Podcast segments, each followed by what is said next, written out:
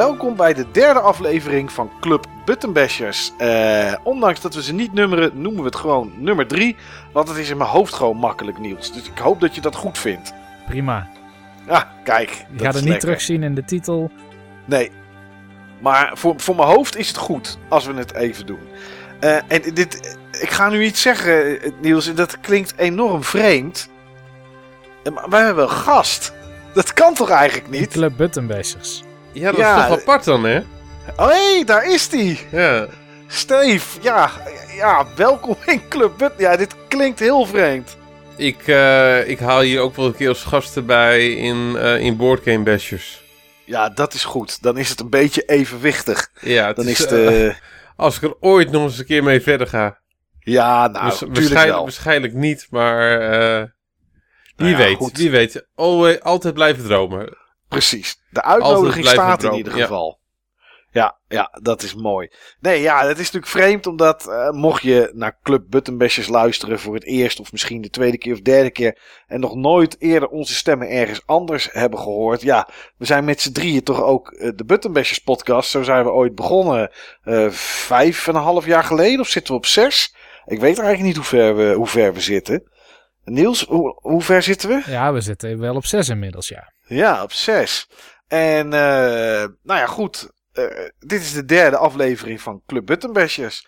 Uh, voor de rest geen introductie, geen raar gedoe. Uh, we gaan gewoon gelijk van start. Want wij hebben alle drie Okami gespeeld. Um, ik heb Okami HD gespeeld. Of wat jullie gedaan hebben, weet ik niet. Maar het kan natuurlijk wel. Want Okami is een game die voor de PS2 is uitgekomen ooit. Dat was het platform waarop de game ja, als eerste uitkwam. Uh, is daarna naar allerlei platformen gekomen, gepoord. Uh, op PC is het te spelen, op Wii, op Switch. Het is op van alles te spelen. Uh, dus ja, PS3, als eerste... PS4, Xbox Ook. One. Ja, ja. Dus ja, uh, uh, Steve, jij als gast zijnde in, de, in Club Buttonbashers, uh, waar heb jij hem op gespeeld? Nou, ik had een ruime keuze waarop, waar ik hem op kon spelen.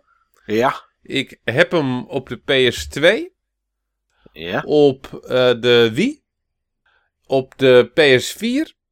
En als laatste op de Switch. En ik heb hem gespeeld op de Switch. Oké. Okay. Um, als je hem op vier platformen hebt, ben jij een grote Okami-fan? Of was dit voor het eerst dat je hem speelde? Dit is direct ook de reden waarom ik heb meegedaan. Ja. dit was voor het eerst. Oké. Okay.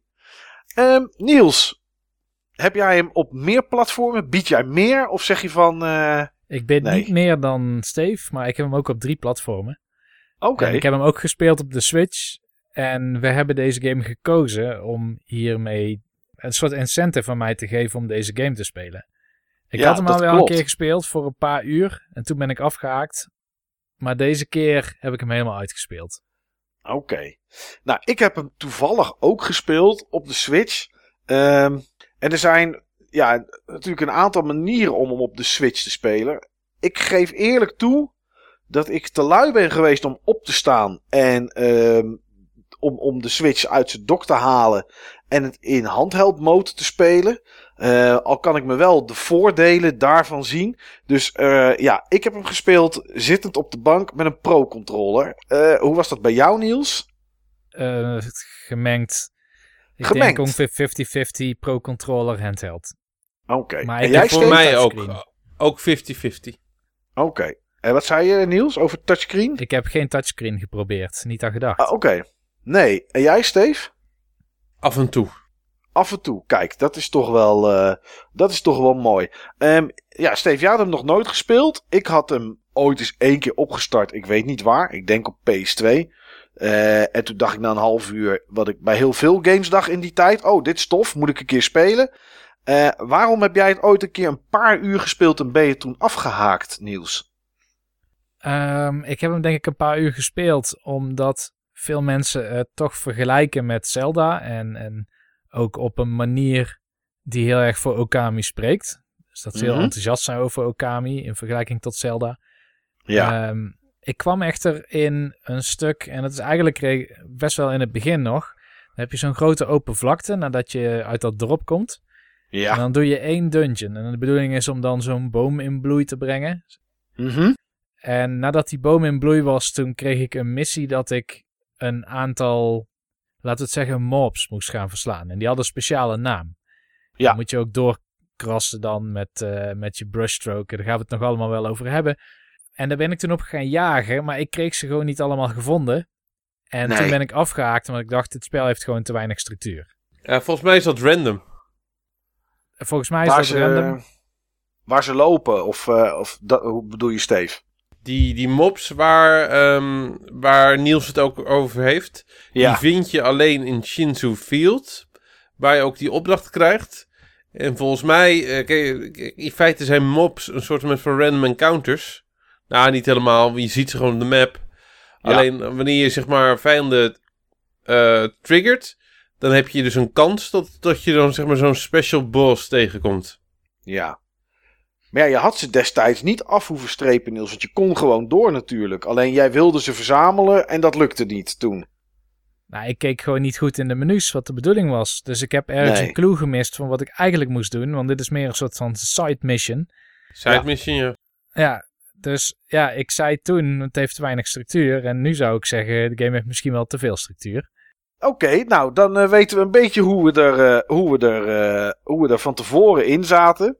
Ehm, ik heb een beetje geprobeerd om het verhaal te noteren. En dat is prima gelukt. Want ik had namelijk, heb, ik heb ik geteld, ongeveer 35 minuten de tijd ervoor. Want zo lang duurt het ongeveer voordat je eigenlijk eens een beetje kan gaan spelen. Ehm 35 minuten al? 35 minuten durende intro heb ik in mijn notitie staan. Het is, Ja. ha- hangt er een beetje vanaf hoe je intro en spelen definieert. Eh, ja, dat snap ik. Dat snap ik. Kijk, als je tutorial meeneemt in intro, dan ben je geloof ik een uur of acht verder. Voordat je eigenlijk eens een keer een beetje je eigen gang Om kan en gaan. nabij. Ja, Ja. ja. Maar, ehm, ja, er is een klein dorpje. Kamika of Kamika. Ik, eh, Kama Village. Ja, ik heb hier Kamika staan. Zou goed Nou, kunnen ja. hoor. Volgens mij is het Eh, Kamika, misschien, ja.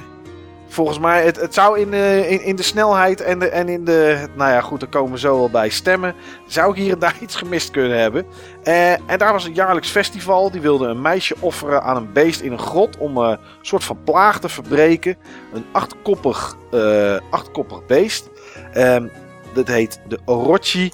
En ik, ik heb de naam van het meisje. Waarom ik dat genoteerd heb, weet ik niet. Maar ik heb het genoteerd. Nami, dat was de naam van het meisje. En ehm, op de avond voordat het, eh, voordat het feest er zeg maar was, het festival met de offering, eh, kwam er een wolf naar het dorpje toe om die in de gaten te houden. En op de dag van de offering ging eh, de grote warrior, de grote strijder Nagi, naar de Moon Cave om daar, om daar ja, te proberen het beest te verslaan. Eh, dat lukte hem niet. De wolf kwam hem helpen. Samen versloegen ze Orochi, maar de wolf ging dood. Nou, dat is natuurlijk een beetje triest en een beetje, een beetje sneu. Maar ehm, ja, de, de, de bewoners van het dorpje waren de rotste niet. Dus kreeg de wolf standbeeld en eh, werd het zwaard van Nagi gedoopt tot, nou, Tsukuyomi. Ik weet niet of ik het goed uitspreek, maar dat was in ieder geval de naam en werd geplaatst in de Moon Cave. Eh, booswichten heb ik hier staan in mijn, eh, in mijn aantekeningen. Die wilden het zwaard stelen. Monster kwam weer tot leven en alle dorpjes behalve Kamika zijn eh gecurst. Dus daar heerst een vloek overheen. Eh, want ja, die werden beschermd. Eh, de wolf, in dit geval Shiranui, als ik het goed uitspreek. Ik ben niet zo goed met mijn Japans en zeker niet eh, met, met deze namen allemaal. eh, komt weer tot leven en dan heb ik hier letterlijk staan. En de game kan eindelijk beginnen. Ja, het is eigenlijk een niet zo moeilijk verhaal, Steve. Alleen, eh, ja, het wordt wel eh, langzaam verteld met veel details. Was je geboeid na deze intro? Of dacht je van, ja, ja schiet nou maar op, eh, laat me maar spelen. Ja, dit ging wel heel traag. Ja, hè? Ja, dit ging wel heel traag. Ja, Ik, ehm, het vormde ook wel eventjes een drempel. Je moest er echt even doorheen. ja, ja, dat is het inderdaad. Eh, ik, Ehm. eh, eh, Niels zei het al, dit spel wordt vaak vergeleken met Zelda. Ja, Eén vergelijking die ik direct zag was gewoon de veel te lange, veel te uitgebreide tutorial. Die je bij veel Zelda's ook hebt. ja, Ja, dat de is zo. tutorial van, van Twilight Princess is bijvoorbeeld daar een niet bepaald geliefd voorbeeld van. Nou, dat gaat behoorlijk rap in vergelijking met dit. ja, ja, inderdaad. Ehm, Niels, wat vind jij eh, van deze intro waar we ook kennis maken met Isun? De Legendary Artist of zoiets. Ja, een soort keverflow iets beest.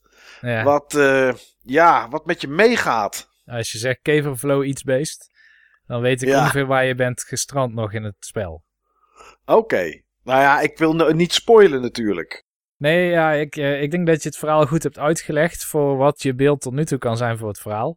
Ja, Ik zal het ook niet spoilen, maar ehm, aan het einde van het verhaal, of aan het einde van het spel, eh, dan krijg je toch een ander blik op wat er is gebeurd. En Ja. wat er wordt verteld in de introductie. En het gaat helemaal full-on Ocarina of Time eh, timeline theory. Dus, Oké, eh, ja, ik, ja. ik heb de game niet uitgespeeld, zeg ik al heel eerlijk. Ik heb er een uurtje of 25 in zitten. Jij hebt hem uitgespeeld. Ja, 30,5 uur. Ja, Steve, tot hoe ver ben jij gekomen? voor Ook een beeld? uurtje of 25, ik ben er nog steeds mee bezig. Ja, ja, oké. Eh, nou, dan is het maar goed dat we niet helemaal het verhaal eh, eh, voor de rest dan, eh, eh, dan, dan, eh, dan uitspitten dan dit. In ieder geval, voor dit Nee, moment. Wat mij wel in ieder geval opviel van de intro is, ik Ja. had dat natuurlijk al een keer eerder gedaan en ik keek er echt tegenop om het nog een keer te gaan doen. Want ik kan me nog herinneren dat ik me toen enorm stoorde aan de pacing van de game. Ja, En, en dan word je eenmaal vrijgelaten om die mobs te zoeken en dan, dan vond ik het weer te vrij toen. Maar ehm, deze keer ging ik er gek genoeg heel snel doorheen. Misschien juist omdat ik wist van ja, dit is gewoon een trage introductie en het spel komt nog wel op gang. ja je Dus- wist wat je kon verwachten in ieder geval. Ik wist wat ik kon verwachten. En ik keek ook vooral heel erg uit naar wanneer de game meer open zou gaan worden. Ja. Ja, ik. ehm, ondanks dat Okami een voor mij ja, typi- typisch Japanse game is, was op het moment dat ik Isun leerde kennen. wel een beetje. eh, dat ik dacht: oké, eh, nu is het echt Japans. Want. Ik weet niet hoe ze het altijd doen, maar er zitten altijd een beetje ongemakkelijke seksgrapjes in. En dat was bij Isun ook weer. Die, die zat in een kimono verstopt van een dame. En dan daar komt hij dan uit en dan zegt hij: Ja, ik had nog wel eh, langer in die kimono zitten willen zitten. Als je begrijpt wat ik bedoel. En dan gaat hij er een beetje bij lachen. Hoe, eh, waarom Ja. is dat altijd? Nou, Waarom- ik, denk, ik, ik denk deels dat het. Ja, het is Japans. Eh, het is een Japanse soort humor. Dus Cultuur. de game die ik nu speel, die zit er ook vol mee. Ehm, maar het is ook een beetje die Camio. eh, weet je ook weer? Die director van deze game. Kamiya. Eh, ja, Hideki Kamiya, die, eh, die heeft ook bijvoorbeeld de Bayonetta gemaakt en die zit er ook vol mee. Nou moet ik zeggen dat in Bayonetta klopt het met de setting. Zeg maar. het, ja, je verwacht het daar ook en het is daar logisch en op een bepaalde manier ook niet zo ehm, aanstootgevend. Ik, aanstootgevend is misschien een te groot woord, want het zijn gewoon kleine grapjes, maar eh, het spel... ja, ik vind het er niet bij passen. Nee, Nee, ik vind het er niet bij passen. Het is, het, het, het, het is inderdaad een soort Zelda. Hè? Dat hebben we alle drie al een keer gezegd. En ik, eh, nou, dat is ook iets. Als ik het ergens mee zou moeten vergelijken, is het daarmee. En dan ja, snap ik niet waarom dit soort grapjes dan erin moeten zitten, zeg maar. Maar goed, het, eh, het is wat het is. Ehm, in de intro, en dan raken we gelijk een heleboel dingen. Maar goed, we moeten het er toch over hebben, Steve. Maken we voor het eerst kennis met wat vreemde geluiden. En dat zijn de stemmen. Ja, dat Hoe wel een, storend, eh, een eh, hoog eh, Benjo-Kazooie gehalte. Nou, dat is het nogal. Ik heb hier staan verschrikkelijke stemmen. Blablibloe, blablibloe, blablibloe. En dat heb ik letterlijk zo staan, want dat is het geluid. Dus Heb ik iedereen... me geen moment aan gestoord. Oké. Oké. Ik, eh, Ik alleen in het begin, moet ik zeggen. Dan denk je van, ah, wat is dit nou weer? Uh, ik weet ook niet, op dat moment zat ik ook in twijfel. Zou ik liever hebben dat er geen stemmen zijn of dat er dan zoiets is als dit? Ik weet niet waar ik liever voor kies, moet ik heel eerlijk zeggen. Um, maar jij hebt je geen moment gestoord eraan dus? Nee. Aan, aan de gibberish? Oké. Nee. nee. ik ook niet. Uh, dus ik had misschien wel net iets liever iets als in Zelda, dat je alleen maar hoort...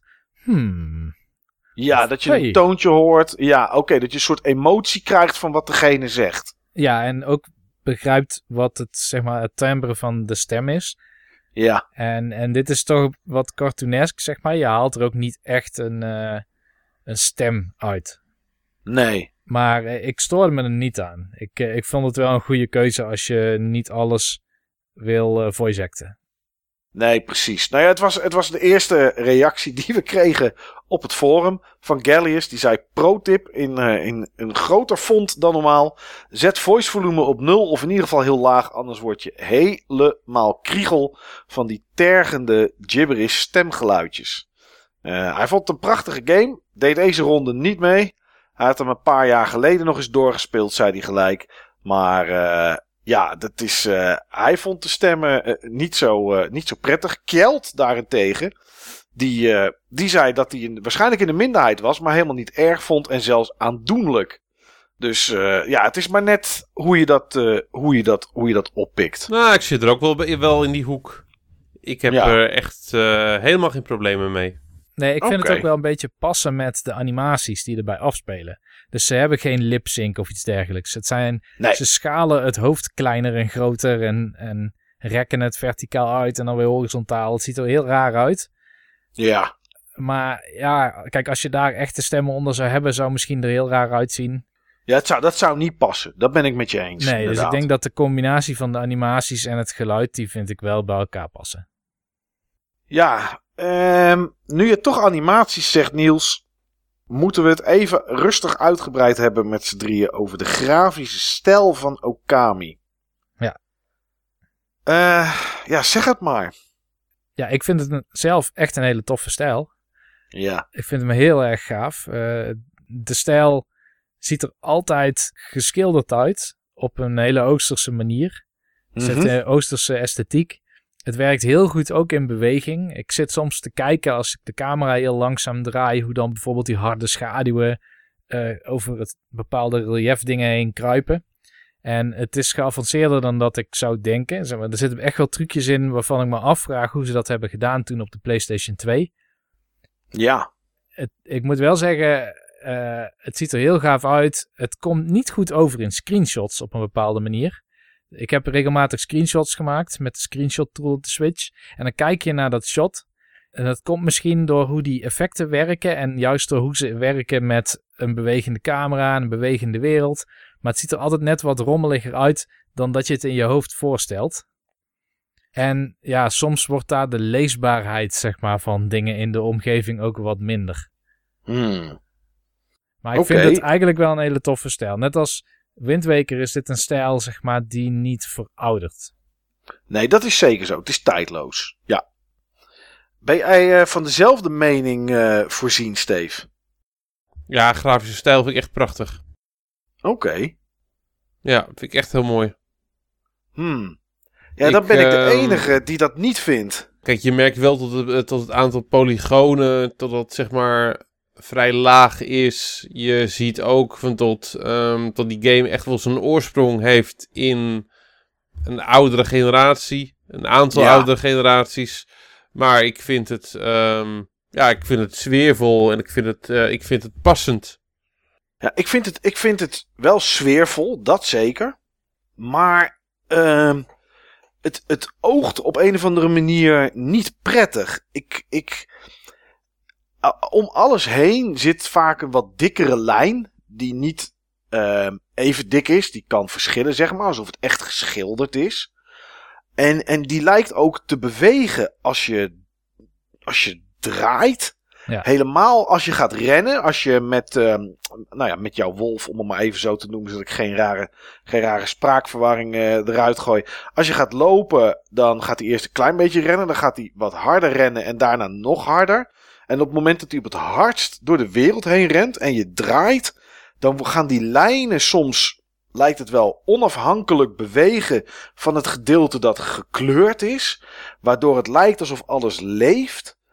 En ja, dan, dan moet ik gewoon mijn ogen af en toe bijstellen. Dan wordt het heel onscherp af en toe. Uh, soms zijn er ook, had ik ook wat gevoel dat ik wat haperingen of stotteringen had op de, op de Switch. En daardoor voelt het voor mij heel onprettig aan om naar te kijken. Als ik gewoon rustig loop of ik zit in een, in een gevecht of zo of wat dan ook, dan heb ik er niet zo'n last van. Maar vooral bij dat rennen, dan, ja, ik weet niet, dat voelt heel onprettig aan.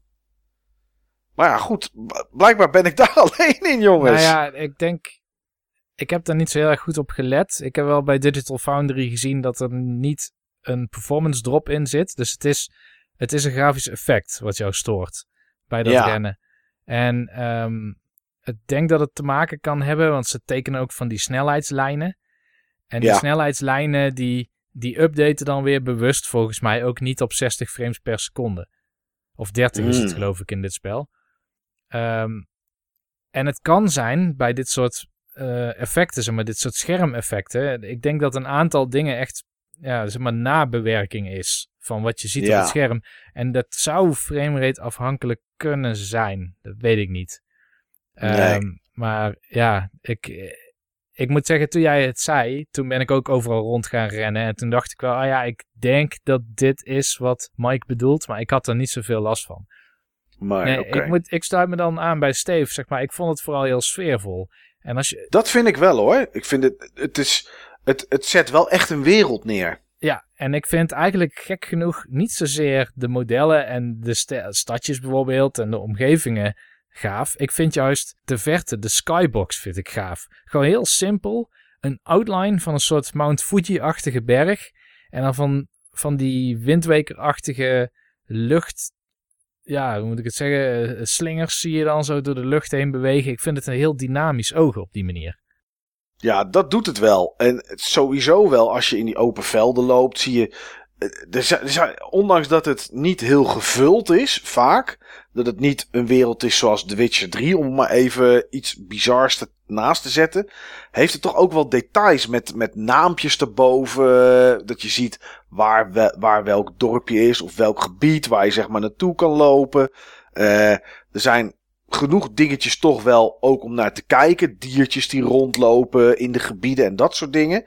En toch is het ook niet overvol. Maar het voelt ook niet aan als een game die opgepakt is van de PS2. Die in HD is gemaakt op de PS4. En dat het leeg is en, en kaal of zo. Ik weet niet. Het is, het is heel bijzonder wel wat ermee gebeurd is. Ondanks dat het me niet altijd, heel, uh, altijd 100% aanstaat hoe ze het gedaan hebben. Of hoe die stijl is. Is het wel, ja, ik weet niet. Het, het, het, de sfeer is er. Dat is 100% zo. Uh, ja, laten we het gewoon eens hebben over de game zelf. Steven, wanneer had jij het moment dat je dacht, als je dat überhaupt had natuurlijk, maar dat horen we aan het einde wel, van oké, dit is toch wel echt een toffe game. Was dat na een uur? Was dat na, na acht uur? Na een bepaald punt, zeg maar? Wanneer klikte de game voor jou? Um, ietsjes na de eerste dungeon. Oké. Met, de, met, met, met de eerste baas, om het maar zo te zeggen. Ja, daar ietsjes na. Dat het tutorial gehalte gewoon wat afneemt. Ja. Um, dat je ook wel wat keuzes hebt van, qua locatie waar je naartoe gaat dat het gewoon zich wat meer ontvouwt. Hmm, Oké, ja, dat snap ik wel. Had je dat ook, Niels? Was dat ook voor jou het punt? Bij mij zijn er denk ik twee punten. Eén eh, punt is wanneer je de eerste keer tegen Orochi vecht. Ja. Um, ja, die, daar vecht je meerdere keren tegen. Dus misschien een soort spoiler, maar... De, nou ja, voor een game die zo oud is, mag, mag je wel iets vertellen. Maar ik vond dat gevecht heel erg tof, heel creatief, goed bedacht. En ik zie ook bepaalde dingen die dan later terug zijn gekomen in games als Bayonetta. Um, en het, dus daar klikte het battlesysteem. En waar de game structuur klikte, was volgens mij is dat dan het derde gebied waar je komt. Um, even kijken, het eerste gebied, daar hebben we het net over gehad. Daarna dan kom je in een soort van bos met een soort swamp. En daarna dan kom je ergens en dan moet je onder andere naar zo'n ehm, zo'n badhuis met van die uilen. Oh ja, ja, ja. Ik weet En- wat je bedoelt. En in dat gebied, toen werd je al meerdere kanten heen gestuurd voor verschillende missies. Dan moest je misschien ook wel weer een keer een stuk backtracken. En dan kom je op een gegeven moment bij een brug en dan kun je dan nog niet door. Er staat zo'n boogschutter staat daar te schieten. Eh, en die geeft je elke keer een appel als je daarmee hebt gepraat. ja. En het was rond die tijd ongeveer dat ik dacht: hé, hey, ik kan meerdere dingen tegelijk doen. Ik kan hier naar terug, maar ik kan ook eh, deze sidequest doen of nu doorgaan. En ik was op, ja, ik wilde binnen dat badhuis kunnen. Daar moet je ook iets voor doen. Toen klikte het voor mij ook. Hmm, Oké, nou, ik had denk ik wel een beetje hetzelfde moment als, als Steve. Eh, de eerste dungeon, dan heb je toch ook het gevoel dat je iets bereikt hebt. Ik weet niet, om, puur omdat je een, een baas verslagen hebt of zo, zeg maar. Ehm, dat is denk ik wel voor mij ook het punt dat het, dat, dat het klikt. Maar goed, wat is de game eigenlijk, Steve? Is het echt Zelda? Zoals we het al een paar keer genoemd hebben. Ik vind van niet. Oké, waar zitten voor jou bijvoorbeeld de verschillen? Ja, het hangt misschien ook van de Zelda af natuurlijk, want ja, ja. Ja, ik vind het toch wel vrij lineair. Ehm lineairder dan de meeste Zelda's. Mhm.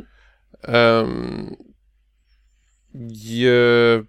Nou, dat is niet helemaal waar ik wou zeggen. Er, er, ehm, het is ook niet alsof je zeg maar uit, uit dungeons nieuwe items eh, haalt... waar je dan weer vervolgens dingen mee kan doen. Maar je krijgt vaak wel weer nieuwe powers. Ja. Van die, eh, nieuwe brush techniques. Ja, En- want nu je die toch, toch aanstipt, zeg maar. eh, ja. Een groot onderdeel van de gameplay is tekenen. Of verven. Of kleur. Nou ja, het is geen kleuren. Maar is, is, is tekenen. Noem nou ja, verven. Ik weet niet hoe je het moet noemen. Je hebt in ieder geval een kwast. En met die kwast kan je ehm, ja, tekeningen maken in, de, in, de, in het landschap.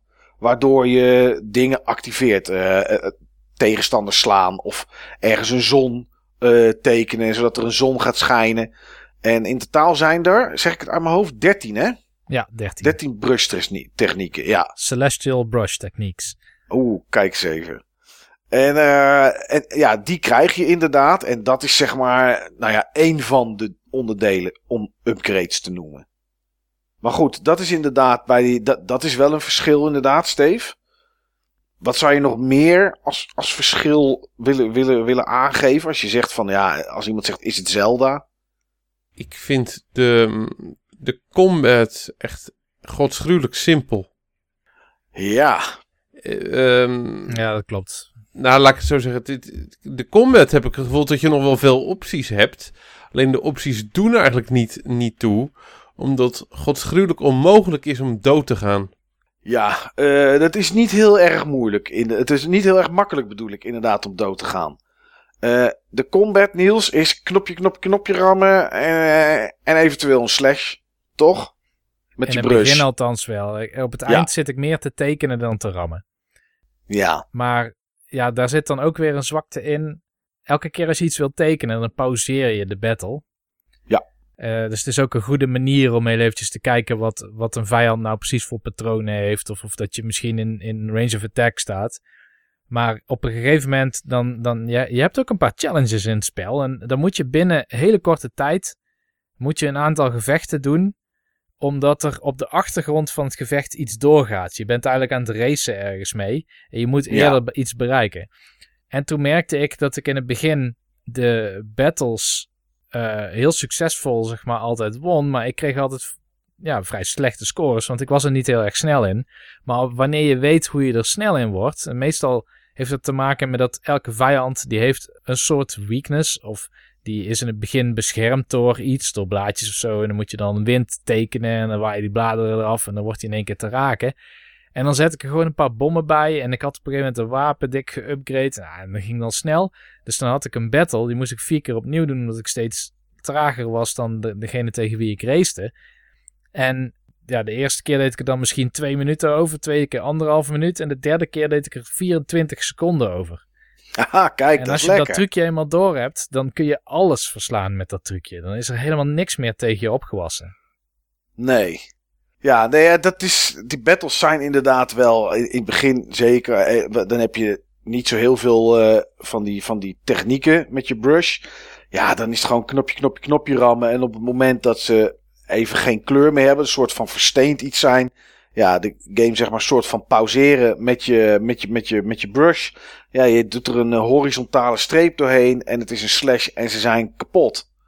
Ja, dat is wel, dat is inderdaad wel simpel. De gebieden zijn ook nooit met de random encounters en ook nooit heel groot. Je krijgt altijd een soort van afgeschermd gebied waarin je zit. Ehm waardoor het ook niet, ja, weet je, waardoor alles eigenlijk wel dicht in de buurt is wat je kapot aan het slaan bent. Dus wat dat betreft begint het wel inderdaad heel simpel met, uh, ja, met, met de battles. Dat is wel zo.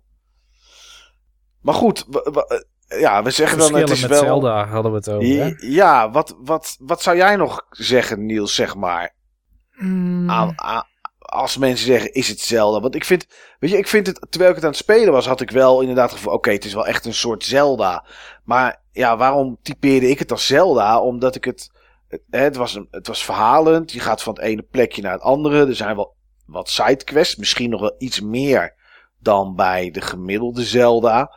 Uh, en dan ga je door naar het volgende gebied. Daar bevrijd je wat. Je hebt een dungeon. Het is, het is, de basis is natuurlijk best wel standaard eigenlijk. Ja, nou ja, ik zie de vergelijkingen wel op feature niveau met Zelda. Maar voor mij speelde het meer als een soort character action game in een wat meer open level structuur waarbij je van hot naar her wordt gestuurd.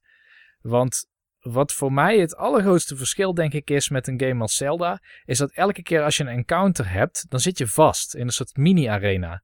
Ja, je kan dat kleine gebiedje waar ik het net over had. Nee, Ja. dat gaat niet. Je kan ook geen gebruik maken van de omgeving. Het is echt jij en die tegenstanders in die Ja. bubbel. Letterlijk een bubbel. Ja. Ehm, En laat het zo zeggen, als jij een puzzel aan het oplossen bent en er loopt in één keer van achteren zo'n ding tegen je aan, dat kan dan op dat moment best irritant zijn. Zeg maar. In Zelda, daar kun je altijd verschillende keuzes maken voor je battles en hier eigenlijk niet. Zeg maar. Je stapt er echt in en het is pas afgelopen als je al die vijanden hebt verslagen of als je zo'n zo'n scheur hebt opengebroken die soms in zo'n bubbel zit. Ja. Maar het speelde voor mij dus iets meer als een character action game, omdat er zoveel nadruk op die actie ligt en dat die actie ook afgesloten is van de wereld. Ja, ja daar, zit wel, eh, daar zit wel een punt inderdaad. Ehm, ja, je loopt eigenlijk van gebied naar gebied. Tenminste, er is wel backtracken en, en, en dat soort dingen. Dat moet je soms ook wel doen. Je bent eigenlijk ja, de wereld aan het bevrijden van een vloek. Dat is, dat is waar in ieder geval zo begint de game. Ja. En dat is, dat, is wat jouw, eh, dat is wat jouw taak is. Ehm, en ondanks dat, wat jij net zei, Steve, dat doodgaan, dat dat nou, soms best wel lastig kan zijn. ehm, zijn er wel redelijk wat upgrade mogelijkheden. Ik, eh, ik, ik heb ze niet allemaal hier zo, hier zo voor me staan. Maar je kan best wel eh, upgraden met het aantal inkt dat je bij je kan hebben. ehm, waarmee je dan kan tekenen. Ehm, je, kan je leven kan je upgraden. Je- wapens. eh, je kan andere wapens vinden. Wat zeg maar een soort schild op je rug is waarmee je dan kan slaan. Er zit best wel een hoop in, hè, Steve? Het is niet. eh, ja, het is, het is niet een. Zeker. Veel verschillende wapens, veel verschillende aanvallen die je erbij kan kopen. Dat is allemaal prima. Ja. Maar hè, dan is het toch een maar als ik dit zo hoor. Je zegt dat is allemaal prima. Ja, ik- wat, ik, wat ik net ook al gewoon aangaf, hoe, hoe, hoe makkelijk alles is. Een van de eerste upgrades die ik kocht, was een upgrade om ervoor te zorgen dat je een soort van permanente fairy hebt, die je doodgaat.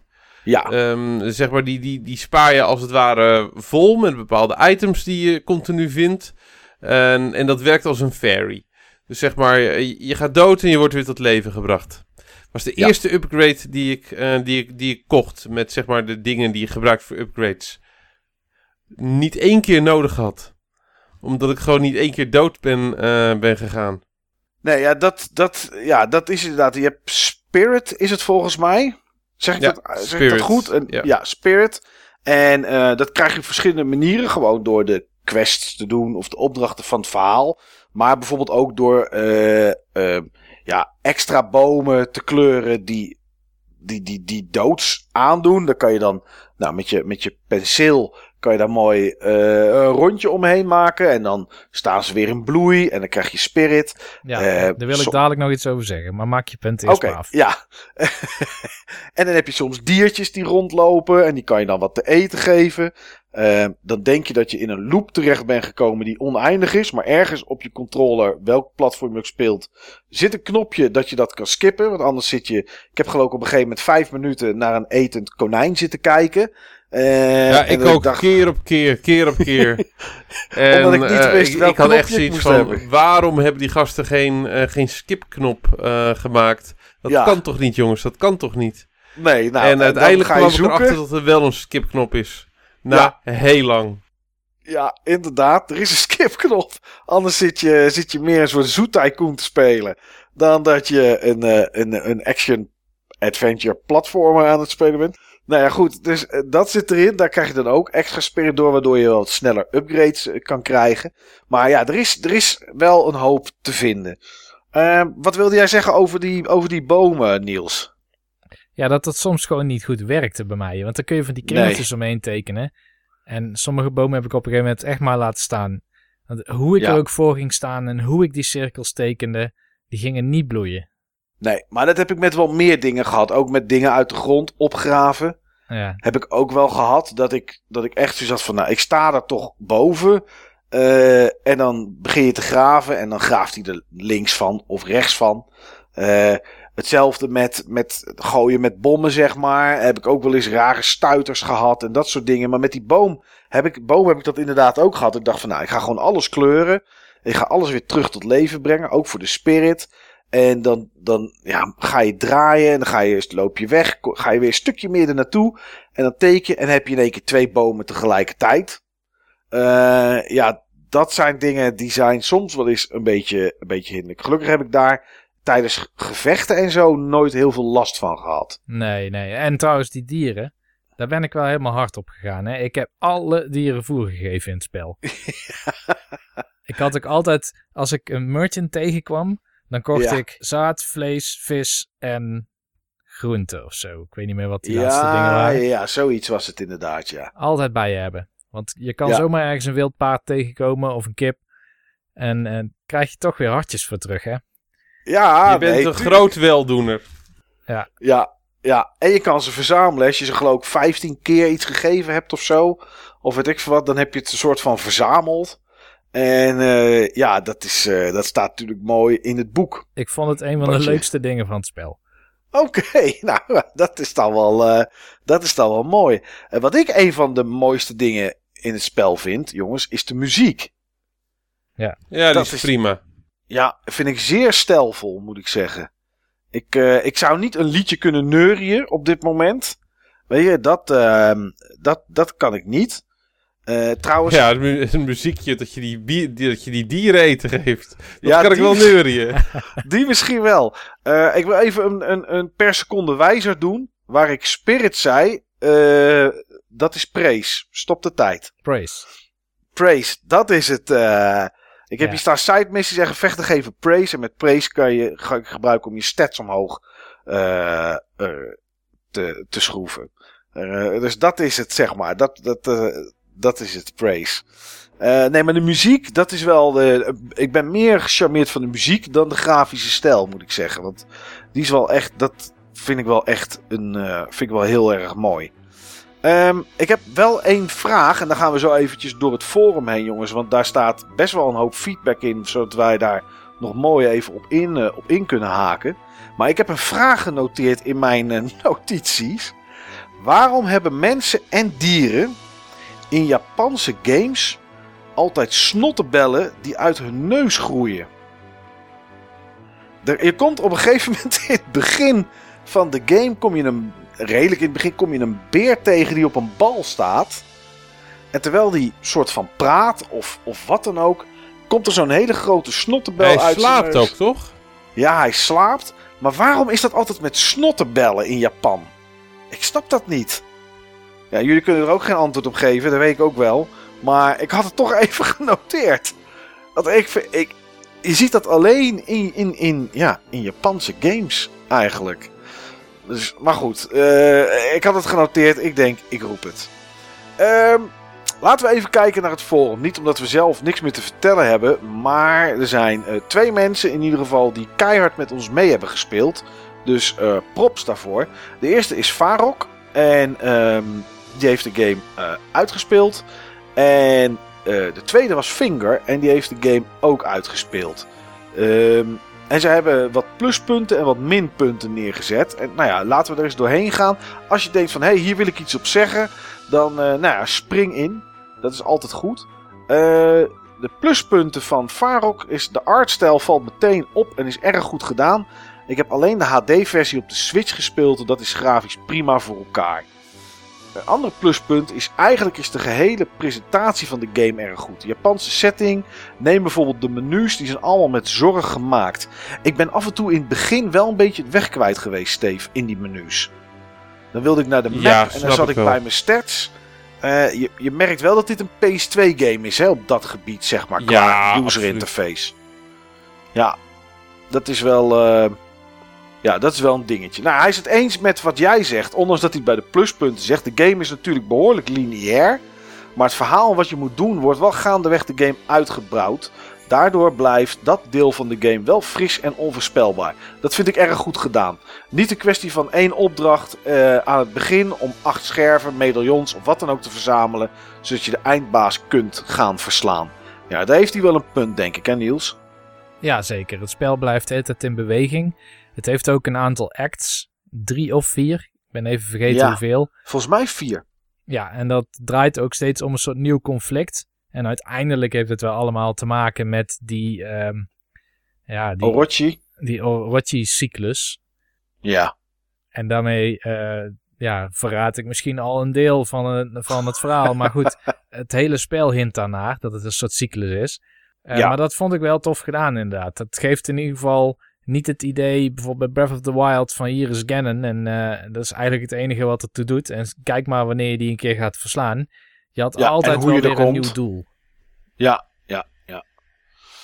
Ook de gebieden waar je komt, inclusief de dungeons, zijn gevarieerd. En wat je er moet doen, is niet steeds hetzelfde riedeltje. Nou ja, dat is wel, dat is wel inderdaad, heeft hij wel een goed punt.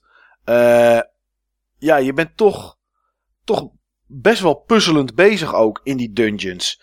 En dat is niet, eh, dat is niet elke keer hetzelfde inderdaad. Dat is wel, eh, ja, dat is wel, dat is Zeggen, wel goed. ik vond de dungeons niet echt leuk of goed ontworpen of zo. Want als je Hmm, dan de, meer in, de meer ingewikkelde dungeons bekijkt, dat is bijvoorbeeld, ehm, volgens mij is dat de dungeon wanneer je voor het eerst naar Or- Orochi gaat, zo'n Moon Cave, ik noem maar iets. Ja, Dan is het idee uiteindelijk dat je vier ingrediënten gaat zoeken en die liggen gewoon ergens in gangen. En dat is dan Hmm. eigenlijk de hele, het, het enige wat, wat een soort, ja, navigatieaspect in zich heeft, is dat je soms niet direct zoals de kaart loopt, dat je zo kan lopen. Of Ja. eh, pas als je ingrediënt X hebt ingeleverd, dan kun je ergens eh, met een fonteintje eh, op een andere plek komen of zo. Ik snap wat je bedoelt. Ja, De dungeons waren ook heel erg lineair. Ja, dat zeker. Ja, ja. De nodige karakters die leuk en memorabel zijn. Eh Steve, ben je het ermee eens? Ik vond die vond ik wel een leuk eh, karakter. Ja. Ja, ik vind sowieso wel. eh, ik weet even niet meer zijn naam. Maar je hebt natuurlijk eh, een, een warrior in het begin die je helpt. Ehm, en die denkt dat hij helemaal de koning is. Terwijl hij dat. eh, ja, die. Terwijl hij dat niet is. Maar dat weet hij zelf alleen niet. Eh, toch vind ik ja, dat wel onder grappig. andere omdat je hem continu stiekem helpt met je brush op het moment Ja, dat hij dan zeg maar eh, dat hij voor uitdagingen staat. Ja, en dan denkt hij het zelf allemaal te doen. En hij is de grote held en ga maar weg. Maar jij bent eigenlijk degene die het doet. Alleen dat ziet hij zelf niet. En dat is, het is wel een heel soort cliché-relatie. Iets die je hebt. Wat je ook in films, tekenfilms of games eerder hebt gezien. Maar toch vind ik het leuk, moet ik zeggen. En dat maakt hem wel eh, memorabel, eh, deze gast. Ja, Susanoo is ook mijn favoriete karakter. Vooral in het begin, dan ontwijkt hij eigenlijk alle combat. Want hij is gewoon zomaar de afstammeling van die Nagi. Maar daar heeft hij ook Ja. niet voor gekozen, weet je wel. Dat is gewoon zijn, zijn bloodline. En dat Ja. is eigenlijk niet wat hij wil. Het liefst zou hij gewoon de hele dag slapen en sake drinken. Maar-. Jij helpt hem dan en dan gaat hij eigenlijk aan zichzelf twijfelen, maar dan op een positieve manier. Hè, ik wist niet dat ik dit in me had. En dan denkt hij dat het aan zijn zwaard ligt. En Mm. vervolgens gaat hij twijfelen, maar hoe kan dat dan? Is dat dit zwaard dan vervloekt? En dan wordt hij weer bang van zijn zwaard. Maar Ja, ja, hij dat blijft... ze zwaard bezeten is inderdaad, ja. Ja, ja, In zekere zin is dat zo. in zekere zin is dat ook zo inderdaad. Maar ja, ik vind dat karakter echt heel tof. Ja. Eh, het concept van het tekenen en daarmee de wereld beïnvloeden was leuk bedacht en over het algemeen goed uitgevoerd. Nou ja, goed, dat is, het is iets unieks. Ik weet niet of ik het eerder ooit in een game heb gezien. Dat je met een, eh, met een penseel op de wereld tekent en het daarmee beïnvloedt. Ehm, maar goed, dat is inderdaad wel, eh, dat is wel een mooi punt. Eh, als laatste pluspunt heeft hij, de game is erg compleet. Er zit echt van alles in kunstobjecten die je kan verzamelen en compleet krijgen. Verslaan van enemies op de wanted list. Nou, daar hadden we het in het begin al even over. Je hebt inderdaad, op een gegeven moment krijg je een wanted list. En nou ja, die kan je aanvallen en afstrepen. Eh, wapens die je krijgt en kan upgraden. Dieren die je kan voeren. Nou, dat is jouw ding natuurlijk, Niels. Eh, stray beats die je kan vinden en compleet kan krijgen. Geheime kistjes, grotten en kamers. Ergens een barst waar je in het begin niks mee kan. Later kan je bommen gooien, kan je weer terug, kan je weer itempjes ophalen, dat soort dingen. Veel verschillende vijanden. Eh, hij zegt, en volgens mij mis ik nog wel wat. Nou, dat, eh, ik zou het nu even niet weten qua compleetheid, maar ik denk dat hij een, eh, een heel eind komt. Hij heeft ook een hele rits aan minpunten. Komt te langzaam op gang. De eerste uren waren traag, langdradig en tutorial-like. Zo'n begin past bij dit type spel, maar het had veel korter moeten zijn. Vele onderbrekingen in de game. Daar had ik in het begin ook wel een beetje last van. Dialogen, cutscenes en dergelijke. En daar dan vaak weer een laadschermpje bij. Ja, battles vond ik dus een onderbreking. Ja, Encounters die dan in één keer jou een ander wereldje intrekken. ja, ja. Dat is. eh, ja, ja, omdat dat niet vloeiend gaat, zeg maar. Omdat daar natuurlijk iets aan. Er gebeurt iets. Ja. En dan, ja, dat snap ik wel. Ook helemaal op het einde was het echt eindeloos dialogen doordrukken. Ik snap dat ze een verhaal wilden vertellen, maar dit was bijna te veel van het goede. Daarbij waren veel van dit soort lange dialogen ook verder niet heel boeiend of relevant. De essentie van de boodschap komt bijna altijd veel korter. Ehm, zoals gezegd is het een compleet spel, wat hij net als pluspunt noemde, maar veel van de upgrades, Demon Fangs, geld en schatten zijn niet echt noodzakelijk. Na verloop van de tijd boeit het niet echt meer wat je krijgt en dat vind ik jammer. Uh, teruggaan naar voorgaande gebieden uit en daaruit kan. Maar deed ik eerst wel, maar richting het einde ben ik er mee gestopt. Vond het gewoon niet de moeite meer waard. Uh, voorafgaande, dus waar hij net over zegt, heeft met het volgende punt te maken. De game is wel erg gemakkelijk. Ik ben niet één keer dood gegaan. Daarbij best wel wat bossfights gedaan waar ik tijd nodig had om te ontdekken hoe ik ze moest winnen. Maar in leven blijven was geen probleem. Ja goed, we hadden hem natuurlijk al eerder aangestipt. Je had het natuurlijk al over, Steve, over die soort fairy. Hè, die, je, die je nooit gebruikt hebt. Um, ben je het met Steve en met Farok eens, Niels? Of kijk je daar toch iets anders naar? Nee, ik had hetzelfde. Ik heb wel wat items gebruikt richting het einde. Vooral omdat Mhm. je dan bossfights krijgt waarbij je misschien niet meteen weet wat de bedoeling is. Ik had bijvoorbeeld het hele spel alleen maar inkt geupgrade. Totdat Ja. het dat maximaal had, toen ben ik live gaan upgraden. Die andere dingen heb ik allemaal niet eens aangeraakt. Ehm, dus ik had geen inkttekort. Inkt is de belangrijkste resource eigenlijk in het spel. Mhm. Eh, maar ik had toen wel van die Dorkbone S dingen nodig. Of ik weet niet meer precies hoe ze heten. Maar dat van die snacks, Ja. weet je wel. Dat je dan weer Ja. een paar eh, levens terugkrijgt. Terugkrijgt, ja. Even kijken. Eh, helaas zijn niet alleen de gevechten gemakkelijk, maar ook de puzzels en de dungeons. Daar liep je over het algemeen zo doorheen. Gevechten met enemies in de gebieden ontbraken de, on- onderbraken de flow ook. Eh, je kon ze vaak ontwijken, maar niet altijd. Bijkomend nadeel is dat ze ook niet veel opleveren. Geld of demon fangs, maar daar heb je ook geen gebrek aan. De gewone fights zijn dus simpel te winnen. De gebrek aan uitdaging in combinatie met weinig reward en de onderbreking van je flow maakt dat, ze, dat je ze al snel uit de weg wilt gaan. Ja, nou, ik denk. eh, ja, daar Nou ja, ben ik je krijgt veel te veel geld in dit spel. Ja, Dus je kan volgens mij je pouch upgraden, maar ik weet niet waarom je het wil. Want ik had zoveel geld op een gegeven moment dat ik eigenlijk alles kon kopen wat ik maar wilde. ja, vooral dierenvoeding. ja, ik heb heel veel dierenvoeding dus gekocht. En één keer een wapen of zo. Ja. Uh, maar wapens, daar wil ik dadelijk op terugkomen nadat we de, de forumpost Oké. hebben gehad. Ja. Ik heb nog geen enorme surplus aan geld.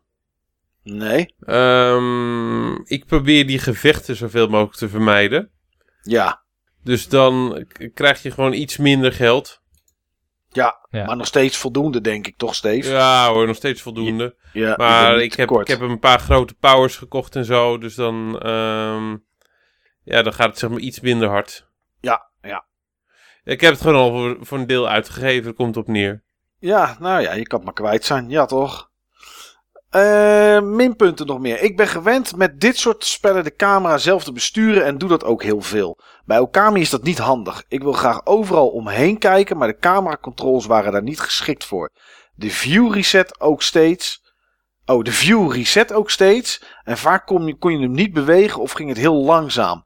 Dit terwijl er vaak van alles verborgen is. Ik Ehm. moest aan het begin van het spel de camera volledig verbouwen. Ja, Om er iets bruikbaars van te maken voor mij. Ja, ik heb ik hem ook. ook aangepast. Ja, ja. ja dat, dat is denk ik echt een, een, een, een PS2 dingetje versus wat we nu tegenwoordig gewend zijn. Een camera en eh, ja, ondanks dat, we dat, dat ik dat ooit over Red Dead Redemption 2 ook heb gezegd, maar dat als je je stick indrukt wil je eigenlijk gewoon dat het gaat draaien. Niet dat daar even vertraging in zit. En dat, dat is wel een hinderlijk dingetje. Ja, dat. En volgens mij zaten er inversed, inverse controls in. Want Oh, volgens dat mij was sowieso. naar beneden was naar boven en naar rechts was Ja. naar links of zo. Dus Ja, ik heb ook twee keer terug naar de settings gemoeten om het beter in te stellen zoals ik het wilde. Het kostte me relatief veel tijd voordat ik goed kon navigeren met betrekking tot de kaart in de overworld. Lag misschien aan mij, maar bij andere games heb ik dat nooit. Ja, ik verwijt dit gewoon puur aan dat het een PS2 game is. Eh, het was, ik vond al fijn dat er een map was waar je bij in en uit kon zoomen. Maar het was soms inderdaad lastig te zien eh, waar je nu stond, naar welke kant je opkeek en naar welk gebied je dan ging als je die kant op ging lopen. Ja, dat is een beetje trial and error. Die, die woordjes in de lucht hielpen me wel daarbij. Maar eh ja, dat is, ja, eh, ja, ik denk gewoon een PS2 dingetje. De artstijl zorgde er ook voor dat ik vaak het onduidelijk vond waar ik nu wel en niet naartoe kon lopen of kon springen. Ehm, nou, twee laatste dingetjes nog. Ik had wel eens moeite om te tekenen en dat de game het niet meteen herkende. Nou ja, goed, daar hebben we het over gehad.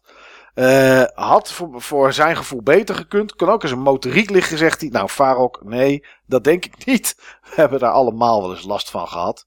Al denk ik wel, jongens, en ik heb dat dus niet geprobeerd. Ehm, ik heb alles met controller gespeeld. Dat als je op het scherm, dat als je je brush, zeg maar, je, je, je penseel tevoorschijn pakt en dan op het scherm tekent, denk ik dat dat een stuk beter is te doen dan met een controller. Want soms wilde ik een rondje tekenen of een rondje met een streepje om een bom te krijgen. Ja, vaak had ik dan toch een peer of, of iets wat op een banaan leek, zeg maar, op mijn scherm. Hangt Eh. sterk af van, ehm, van de brush techniek die je moet gebruiken. Ja, En sommige dingen kun je, naar mijn gevoel, niet eens op het scherm doen. oké. Ehm, je hebt zeg maar, ehm, althans is mij niet gelukt. Je hebt zeg maar op, op het moment dat je de controller gebruikt, Ja, dan heb je de mogelijkheid om zeg maar eh, dik en dun te tekenen. ja. Ik weet niet wat er, hoe, je- hoe je dat eh, onderscheid kan maken ehm, als je zeg maar de touchscreen gebruikt. Hmm. Weet jij dat toevallig, Niels? Nee, je hebt geen touchscreen Nee, heb gebruikt. ik niet gebruikt. En Nee. ehm, met die eh, sterrenstelsels, Ja, ehm, ja, is me ook niet gelukt op touchscreen. Want als je zeg maar je vinger er, ehm, je kan niet, het is mij niet gelukt om met touchscreen meerdere sterren te tekenen. nee, eh, je moet je vaak puntjes zetten, zeg maar. Je gaat Ja. met je brust er naartoe en je drukt dat hij een, een, ja, een punt maakt. Eh, je zou denken dat het met touchscreen gewoon tik, tik, tik is. Maar dat is het dus niet, eh Steve. Nee, volgens mij niet. Ik, eh, op het moment dat je je vinger dan zeg maar ervan afhaalt, dan, Ja. ja, ja dan, dan, dan Is die dan klaar? Ja, is die klaar. Ja, oké. Eh, vaker moeten praten met personages om events te triggeren vind ik niet sterk. Ja, dat is, is een. Ja, ik vind het zelf niet zo hinderlijk. Maar inderdaad, als je soms met een personage praat, blijft er dan naar boven een groen driehoekje hangen, volgens Ja. mij of zo. Uh, wat wil zeggen dat er nog meer conversatie mogelijk is. En dan moet je diegene weer aanspreken. En krijg je, uh, ja, krijg je gewoon weer een nieuw gesprek. Wat eventueel wel uh, iets kan triggeren. Maar ik vond ik ook niet hinderlijk. Oh, ja, ik vond het wel hinderlijk omdat ik nog niet door had dat die driehoekjes betekenen dat ze nog iets te zeggen hebben. Dan is dat hinderlijk, ja. Dan is het hinderlijk, ja. Dus dan mis je wel wat sidequests of andere zaken. Ik heb in het begin een uur vastgezeten in Kamika Village. Ja. Omdat je met iemand kennelijk drie keer moest praten en dat had ik niet door. Dus dacht, ja. wat houdt me nou tegen om, om die stad uit te lopen? Maar ik kon er niet uit. Uh, volgens mij moest je toen Susano vragen of dat die kwam helpen of zo. Ik weet niet meer precies wat de uitdaging erin was. Met, met, die steen. Ja, met die steen. Um, nee, het was, het was nog iets anders. Het was iets anders, maar het was wel in dat vrouw met die, was, die vrouw met die waslijn moet je ook drie keer mee praten. Ja, op een gegeven moment heb je het wel door en dan ga je overal mee blijven praten, zeg maar, tot het driehoekje verdwenen is. Maar toen ik dat nog niet door had, ja, daar heb ik zoveel tijd verloren. Ja, als korte samenvatting zegt hij: Ik kan wel begrijpen dat deze game voor sommigen heel hoog scoort. Ik vond het zelf ook zeker een goede game en ik zou hem aanraden als je van de komt Zelda games houdt. Als ik hem in 2006 had gespeeld, dan was Okami voor mij mogelijk ook een top 10 titel geworden. Nu is er geen nostalgiefactor om de lijst met minpuntjes te doen vergeten. Ja, goed. Uh, Farouk, bedankt voor uh, dat, nou, eerst dat je meegespeeld hebt met ons. En voor de zeer uitgebreide uh, feedback. Hij zegt, hij zegt eronder nog, je moet er maar kijken of je iets mee kan. Maar dit is voor ons wel leuk om te zien dat mensen ja, het echt gespeeld hebben. En dat we er zelf ook nog iets, nog iets mee kunnen. de feedback van Finger. En we gaan het zo nog hebben over wapens. Niels, want daar wilde jij nog iets over zeggen. Um, zegt, ik heb de game ook uitgespeeld. Hij had hem volgens mij op PC gekocht. Op Steam. Voor 10 euro geloof ik. Maar hij zegt, op het einde moest ik mezelf er wel toe zetten om toch het einde te halen. En dat is iets, dat had ik in het begin. Um, in het begin moest ik mezelf echt zeggen van, oh ja, je moet Okami gaan spelen. Je moet Okami gaan spelen. Op een of andere manier was het voor mij geen game, zoals we dat bijvoorbeeld met Grim Fandango wel hadden, of met Super Metroid, toen we die gespeeld hebben voor Club Button Mashers, dat ik zoiets had van, oké, ik heb een moment, wat ga ik gamen? Oh, ik ga Super Metroid gamen. Dat had ik niet bij Okami. Misschien, ja, ik weet het niet. Dat, uh, dat triggerde het niet echt bij mij. Uh, hij zegt, ik heb zeker wel genoten van de game, maar het was niet het pareltje dat ik verwacht had. Er waren toch wel een paar dingen waar ik me aan ergerde tijdens het spelen. De game kwam traag op gang en pas na een paar uur spelen ging het tempo wel iets omhoog. Hij heeft drie pluspunten. Artstyle is erg mooi en zeker op een hogere resolutie ziet de game er prachtig uit. Muziek is sfeervol en neemt je echt mee in de game. Het verhaal vind ik wel leuk en was ook de reden dat ik het uit wilde spelen. Minpunten zegt hij. Uh, de manier waarop het verhaal uit de doeken werd gedaan was mooi gebracht, maar de cutscenes waren wel erg langdradig. Moeilijkheidsgraad is wel erg laag. Ik ben zelf nooit echt in gevaar gekomen en heb maar bij twee gevechten wat items moeten gebruiken. Uh, waarom moet ik in vredesnaam sommige bazen drie of vier keer verslaan? Dit lijkt echt alleen maar gedaan te zijn om de speelduur op te rekken. De camera tijdens de gevechten was nogal wispelturig en deed niet altijd wat ik ervan verwachtte. Ik heb wel echt van de game kunnen genieten, maar door de genoemde minpunten gaat de game bij mij niet de boeken in als klassieker. Hou je echter van rustige games niet al te moeilijk zijn, dan is het zeker een aanrader. De game krijgt van mij dan ook een krappe 8 van de 10. Ja, niks nou, op aan te merken. Nog steeds een heel net cijfer. Zeker weten. Ja, zeker weten. Wat wilde jij zeggen over. Uh, oh, Finger, uh, enorm bedankt dat je met ons mee hebt gespeeld. Volgens mij Grim van Dengo Zat hij volgens mij ook bij en Farok volgens mij ook. Dus het is wel leuk om, uh, om, om wat vaste namen te hebben die ook uh, de game gaan spelen. En ik weet bijna zeker, Finger, dat uh, ja, de game die we voor de volgende Club Button Bashes gaan spelen, dat, je die, dat je of alles er al van weet, of dat, of dat je hem nog een keer gaat spelen als ik naar zijn handtekening kijk. Ik weet niet of jij zijn handtekening voor je neus hebt toevallig, Niels. Ja. Maar ik, ik denk dat hij er wel iets mee heeft. Ja, daar heeft hij wel een klik mee. Oh ja. Maar wat wil jij zeggen over de wapens, Niels? Nou, ik was benieuwd, hè, want je hebt verschillende soorten wapens. Volgens mij drie of vier verschillende klassen. Die kun je ook nog eens uh, upgraden en je hebt daar verschillende versies van. En Ja. wat is nou het type wapen? En je hebt trouwens ook een subweapon wat je kan instellen. Maar welk type wapen ben je naartoe bewogen? Welk type wapen sprak je het meest aan of werkte het beste voor jou? Mm, jeetje. S- s- Poeh. Ah. ik denk voor mij. De, was het, heet het de Glaive? Ja, de, Is dat die heet- ketting? Ja, nee, dat is, dat is, die, die ketting is de Rosary. dat zijn volgens beats. mij. Ja, Ja. Ja, dat zijn beats. Eh, de Glaive is een beetje dat zwaardachtige wapen, zeg maar. ja, ja, ja, ja. Dat vond ik, denk ik, het prettigst. En Steve? Die eh, Rosary. Die beats. Ja. Maar ik heb, eh, ik heb eh, dat zwaard eigenlijk nog niet echt gebruikt. Hmm, oké. Dat, dat bijten heb ik ge- gebruik ik. Ja. En, ehm, ja, en de Rosary, de beats. Hmm. En jij, Niels? Ik heb zelf ook de beats. En dit is iets wat getriggerd wordt door hoe makkelijk de game is. Die beats die werkten goed en ik heb nooit een reden gehad om nog iets anders te proberen. Helemaal op het eind heb ik een betere versie van de beats gekocht en die geüpgrade. En toen was Ja. het zo dat je eigenlijk waar je ook staat, je raakt altijd de vijand wel. Zo lang is je attack. En Ja. die beats die, ja, die blijven ook zeg maar slaan in de hitbox op een of andere manier. Dus je, stel je staat heel dichtbij en hoef je de attack knop maar ingedrukt te houden. En dan zie je de levensbalk van de vijand gewoon echt gewoon rap naar beneden gaan. Ik heb wel, toen ik de beats kon gebruiken, ben ik wel gelijk geswitcht. Omdat ook die aanvallen een stuk sneller gingen. Ja, Het is echt eh, plop, plop, plop, plop, plop, plop, plop. Het doet wel minder damage dan, ehm, dan dat, die mirror. Volgens mij is dat de reflector. Maar ja, ik weet niet. Ik ben op een gegeven moment ook weer geswitcht naar de, naar de Glaive toen ik hem had. Ik heb er niet heel veel, maar ik vond, dat, ik vond het gewoon esthetisch wel tof eruit zien, zeg maar. Ja, ik ook. Ja, gewoon het, de, grafisch ziet het er tof uit.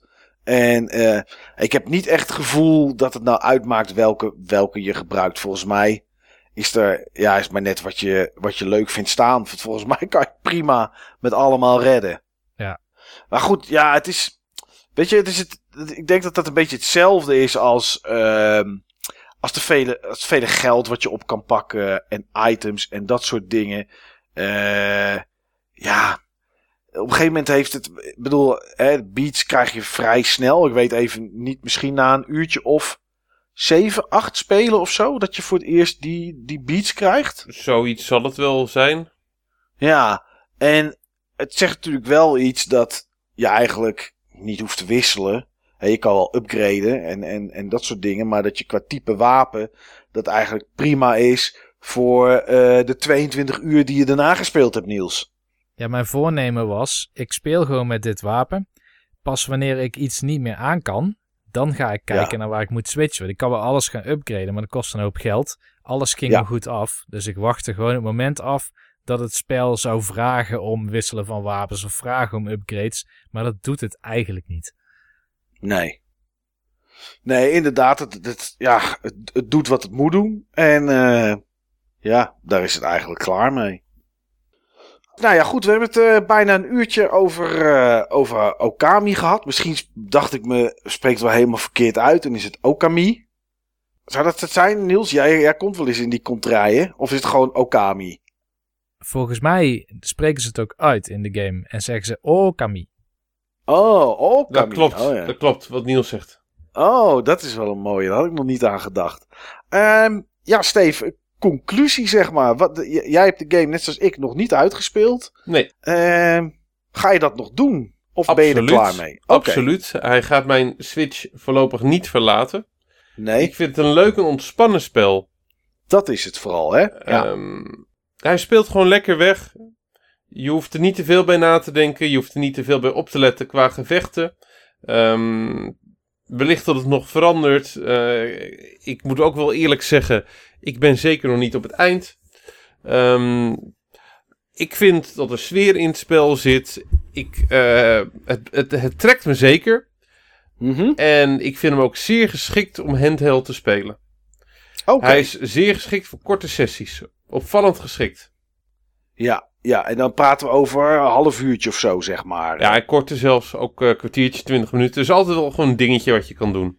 Ja, of even rondlopen om te kijken of er nog wat vijanden zijn te verslaan. Ja, Of, of misschien nog wat te vinden doordat je nieuwe skills met je, met je, met je brush hebt. Ja. Eh, zodat je wat. Ja, ja, ja. Nee, dat is zo inderdaad. Dat is wel. eh, gevechten duren ook, als je het een beetje door hebt, ook nooit echt lang. Misschien eh, tussen een, eh, een halve minuut tot een minuut of zo. Dus wat dat betreft snap ik het wel inderdaad, ja. Niels, ja, jij hebt hem uitgespeeld. Ik heb hem uitgespeeld. Eh, ik vind het een erg leuke game. Ik zou het wel een klassieker noemen. Ik geloof dat het Farok was die zei dat het voor hem geen klassieker was. Klopt. Ehm, is het essentieel leesvoer? Dat weet ik net zo net nog niet. Eh, maar ik vind het een hele toffe game met een hele toffe stijl. De humor sloeg soms echt heel erg bij me aan. Niet die humor Ja. waar jij het over had met die kimono waar dan Isun in zit. Maar bijvoorbeeld, ehm, ik vond het heel leuk dat op een gegeven moment moet je een masker tekenen. Omdat je in een soort volkje komt die allemaal maskers hebben. Dus je krijgt dan een soort van A4'tje voor je gezicht. En dan moet je dan zelf iets op tekenen. ja. En dan had ik een hele blije hond opgetekend. Het gezicht van een hele blije hond. En dan eh, denken ze dat je daar eh, een functie hebt in, eh, in die clan. Dus dat vond ik heel erg tof. Dat is me heel erg bijgebleven. Ehm, je hebt een aantal canine warriors. Dat zijn van die legendary warriors. Dat die honden. Die honden inderdaad.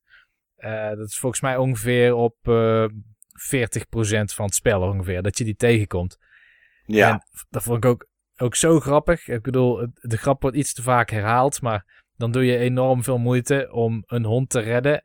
Soms moet je die ook uit een ja, hele lastige situatie halen of moet je iets speciaals voor doen. Maar soms is het ook gewoon een, hond die gewoon lui is geworden en zeg maar domesticated is. Maar als je dan eenmaal bij die honden bent, dan komen ze niet zomaar met je mee. Nee, ze moeten er ook weer altijd eten hebben. Dus dat is ook een reden om eten bij je te hebben. En ja, iets wat, wat in ieder geval goed bijstaat, nog twee kleine dingetjes. Eén is, er was een hele pointless eh sidequest. Die zit in een gebied ergens aan het einde van het spel, dat is in de sneeuw. En Ja. ehm, dan vraagt een poppetje of dat jij een sneeuwpop kan bouwen. Of een sneeuwbal of zo kan maken, zo groot als maar kan. En dan heb je Ja. een vrij grote eh, ja, arena veld. En er liggen overal kleine bolletjes sneeuw. En als je daar met een bal overheen rolt, dan wordt die net iets groter. En er is ook een ijsmeer. Daar moet je dan volgens mij niet invallen met die bal. En her en der staan kampvuurtjes. En die kun je natuurlijk uitblazen met je Celestial Brush. Maar die gaan na een Ja. paar seconden weer aan. Ik heb echt heel veel tijd erin gestoken om alle balletjes sneeuw te pakken. Omdat ik dacht dat het spel dat van me vroeg. Op een gegeven moment had ik alles. Er lag niks meer. Ik heb denk ik 25 minuten met een bal staan rollen in het spel. Dit klinkt een beetje hetzelfde zoals je de game ooit begon met die, eh, met die wanted list. Ja, inderdaad. Zoiets. Dus ik, ik denk, het spel vraagt voor mij om een zo groot mogelijke bal te maken. Het, het floot nooit af. Er was nooit een teken dat, dat die groot genoeg was of zo. Dus ik bleef maar rollen, rollen, rollen. Op een gegeven moment zie je niet eens meer sneeuw. Dan moet je ook gewoon in een veld gaan rondrennen om te kijken dat er ergens nog een hoopje ligt. Nou ja, helemaal voor niks gedaan. Maar ik zal het niet snel vergeten. Ehm, Wat was de reward van die sidequest? Of was er geen reward? ja, er was wel iets, maar het was iets heel leems of zo. Het was iets wat je al Ja. had of al duizend keer had gekregen. Oké. Ehm, wat ik nog wel echt heel erg leuk vind, is gewoon de afwisseling in de gebieden. Vooral richting het einde toe. Ehm, je hebt het over Isun gehad. Dat is Ja. die, eh, die, die, die artist, die legendary artist. Dat Ja. is, hij is onderdeel van een volkje. Die heet de Ponkel. Eh, het zijn ook geen kevers. Het zijn echt mensen, maar ze zijn gewoon super, super klein. En je komt ze een keer tegen wanneer jij ook de mogelijkheid hebt om heel klein te worden. En dan is ook echt alles groot. Dus als je dan mensen tegenkomt, dan, eh, dan kom je niet boven een schoenzool uit, zeg maar. Of een sandaalzool. Zo groot is de rest dan. Mhm. Maar, ehm, maar die, die ponkels, dat zijn allemaal van die super arrogante wezentjes, net als Isun. Dus er, is er geen één die niet een of andere self-proclaimed legendary artist Iets is. is. Of iets, Ja. of de allerbeste eh, filosofie doet ooit, zeg maar. Ze hebben allemaal nogal een mond erop staan. ja. En ja, het zijn, het zijn eigenlijk dit soort dingen waarin een soort handschrift zit van die Kamiya. En dat vind ik gewoon heel erg tof. ja, dat snap ik. En het, al zijn games vind ik wel leuk, maar ik zie wel echt hoe deze game de opmaat was tot de persoon die die zeg maar nu is. En, en de volging die die krijgt van fans.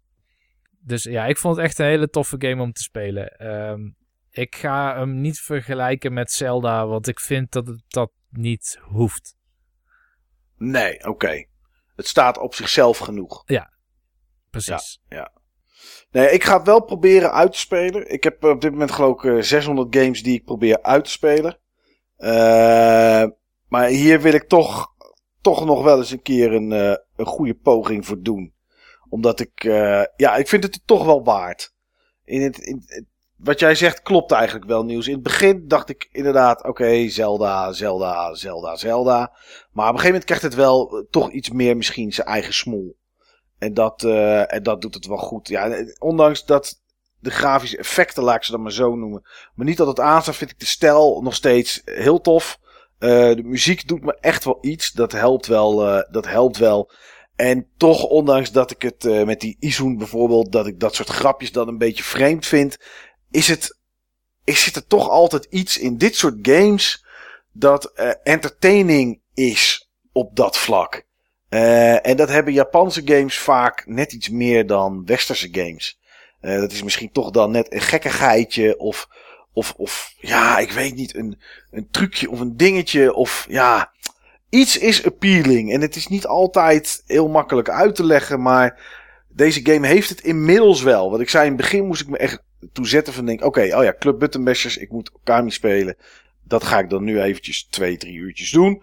Ehm, maar op een gegeven moment had ik zoiets van, wat ga ik spelen? Oh ja, ik ga eventjes, dus het, het moest groeien.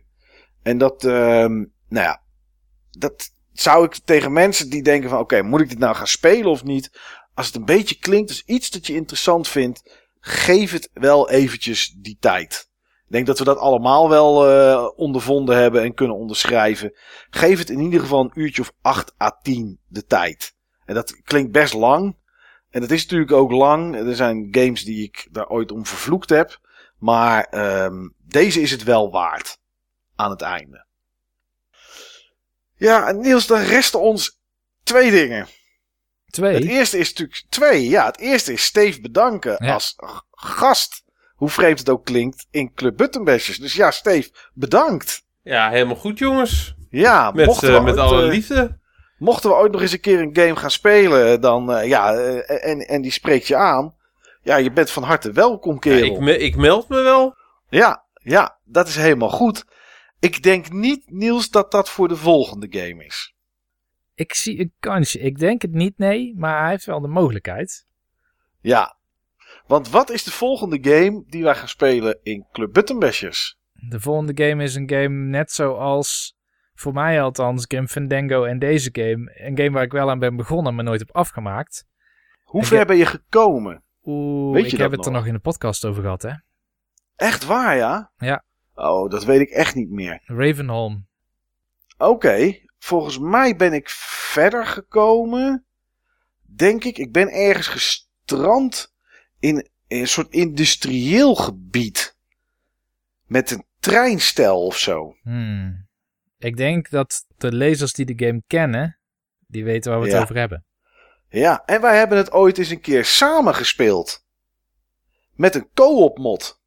Weet je dat nog? Dat- nou, nee. jij hoeft het niet te vragen. Nee, dat weet je niet meer. Dat weet ik niet meer. Wij hebben het ooit een keer samen gespeeld in een co-op mod. Het was heel gedoe om het aan de praat te krijgen. Maar wij eh, hebben het beginstuk op het, eh, op het treinstation, want daar begint de game, hebben wij eh, samen gespeeld. Oh, wauw. Ja, ja. Maar goed, het is, Niels, Half-Life 2. Half-Life 2 inderdaad. Dat is, de, dat is de volgende game waar wij het over gaan hebben in eh, Club Button Bashers. Ehm, ik heb hem al geïnstalleerd, dus ik ben er al klaar voor. Mhm. En ik heb daar echt wel zin in, omdat het, het is een ongelofelijke klassieker. Daarna hebben we nog episode 1 en episode 2 gehad natuurlijk. Ehm, ik weet niet afhankelijk van de tijd en hoeveel tijd we erin kunnen steken of ik die mee wil nemen. Eh, maar goed, dat hangt er een beetje vanaf hoe ver we komen. Laten we uitgaan van de basis Half-Life 2. En ja, ik ben, ja, ik ben, ik heb er zin in. Ik heb er zin in. Dus ik vind dit een hele mooie titel, eh, Niels, om te gaan spelen. Mocht je zitten te luisteren en je denkt, ik wil ook meespelen met Half-Life 2. doe met ons mee. Op het forum is op dit moment een topic over Half-Life 2 voor de vierde Club Buttonbashers. Uh, als je de game gespeeld hebt en en je kent hem van, van boven tot onder, van links tot rechts. En je hoeft hem niet te spelen, maar je wil wel je mening erover geven. Dan mag het ook. Uh, alles wat je kwijt wil over de game, kom het doen bij ons op het, uh, op het Buttonbashers forum op www.button-bashers.nl. Um, mocht je de game niet hebben en je denkt, ja, dit is toch wel een titel die wil ik eigenlijk altijd al een keer spelen. Dat kan natuurlijk. Ik ga meedoen. Um, nou, laat ik zo zeggen, uh, hij komt uit 2004. Dus dat is best wel een hele lange tijd geleden.